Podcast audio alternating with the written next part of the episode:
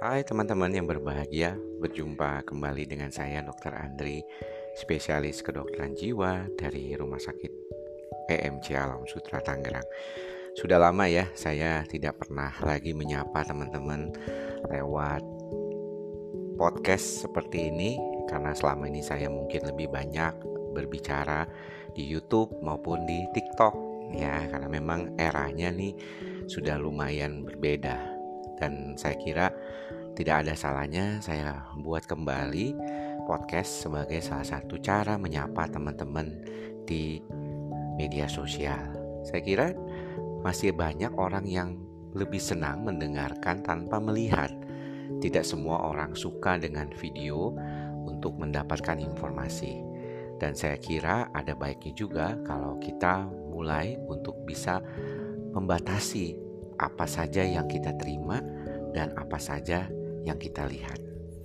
Hal inilah yang mungkin akan menjadi bahasan pada kesempatan kali ini, yaitu bagaimana tubuh kita, dalam hal ini otak, bisa menerima segala macam informasi di dalam kehidupan kita.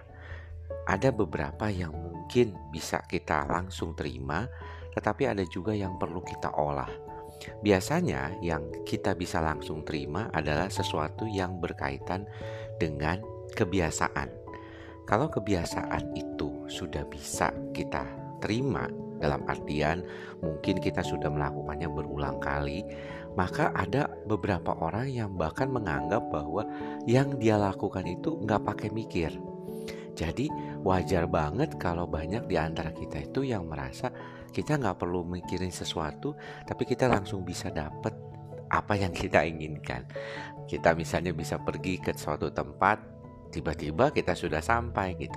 Padahal sebenarnya tidak demikian ya teman-teman. Itu lebih kepada habit saja. Kalau misalnya berkaitan dengan sesuatu yang baru, apa yang paling penting yang harus diperhatikan? Yang paling penting adalah memori. Ketika kita berhadapan dengan sesuatu yang baru, maka memori kita juga akan sangat berperan, khususnya terkait dengan apakah kita bisa terima atau tidak kondisi tersebut. Seringkali yang kita temukan adalah kita sulit menerima kondisi tersebut karena mungkin menurut kita itu tidak sesuai dengan memori kita memori yang kita punyai tentang keadaan tersebut itu berbeda. Contoh, ketika teman-teman diberikan sesuatu yang baru, misalnya cabai yang katanya paling pedas sedunia. Tetapi ketika teman-teman pertama kali mencoba cabai tersebut, mungkin ada perasaan takut nih, mau dimakan atau tidak. Karena informasi yang teman-teman dapatkan mengatakan bahwa cabai ini pedas banget, bisa bikin orang sakit perut, bahkan bisa sampai masuk rumah sakit. Kalau demikian, teman-teman nggak akan otomatis, bahkan penuh keraguan, bahkan mungkin tidak jadi. Jadi, informasi yang ada di dalam pikiran kita, dalam hal ini memori, itu akan dapat mempengaruhi tindak laku kita. Inilah yang saya bilang tadi, bahwa sebaik-baiknya kita perlu untuk membatasi informasi yang terlalu berlebihan yang memang sekarang itu sudah overexposure. Kita tahu bahwa segala sesuatu yang ada di dalam kehidupan kita sekarang ini banyak banget terkait dengan hal-hal yang baru. Diinformasikan terus-menerus. Bahkan kita kayaknya nggak dapat waktu istirahat kecuali kita tidur. Sepertinya selalu otak kita itu akan mendapatkan input informasi dari berbagai macam faktor. Dan inilah yang akan membentuk memori kita.